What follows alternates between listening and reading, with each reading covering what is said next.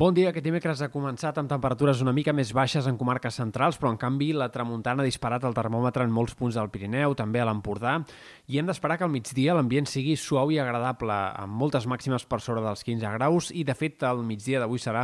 el més suau i agradable de la setmana en moltes comarques centrals, de Ponent i també del sud de Catalunya. Aquesta tarda, però, temps una mica més insegur, no descartem ruixats aïllats entre Osona, la Selva, el Gironès i també de cara al vespre, primeres hores de la nit, es podria arribar a formar algun xàfec eh, cap al delta del Llobregat, sectors del Garraf, Penedès, fins i tot al Camp de Tarragona. Ruixats que bàsicament es concentraran sobre el mar, però que podrien arribar a fregar punts de la costa durant la nit. De cara a demà, panorama bastant similar, amb molt més sol que no pas núvols, però a la tarda amb més nuvolades i temps una mica més insegur i ruixats puntuals de neu al vessant nord del Pirineu. Els xàfecs començaran ja aquest dijous a afectar molts sectors del País Valencià, però a Catalunya serà divendres quan arribarà el front més actiu que ha de provocar xàfecs i probablement nevades en cotes molt baixes per ser la segona quinzena del mes de març. El front ens creuarà bàsicament a la tarda de divendres, entre tarda, vespre de divendres, i per tant serà en aquest moment quan hem d'esperar que pugui haver-hi ruixats en diferents comarques, eh, molt irregulars segurament, però que eh, podrien arribar a ser de neu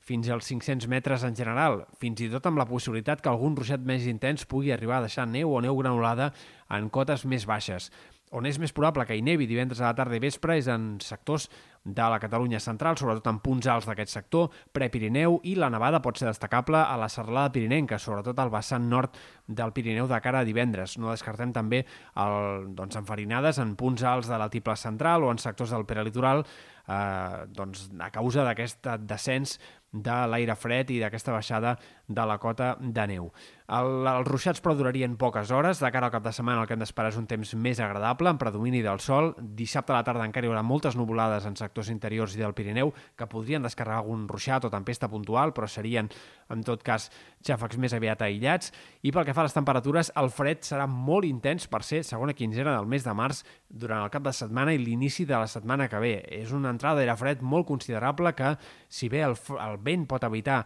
que en alguns indrets eh, provoqui glaçades, en moltes comarques interiors, eh, sobretot interiors de Girona, punts de la, de la Catalunya central, sectors de Ponent,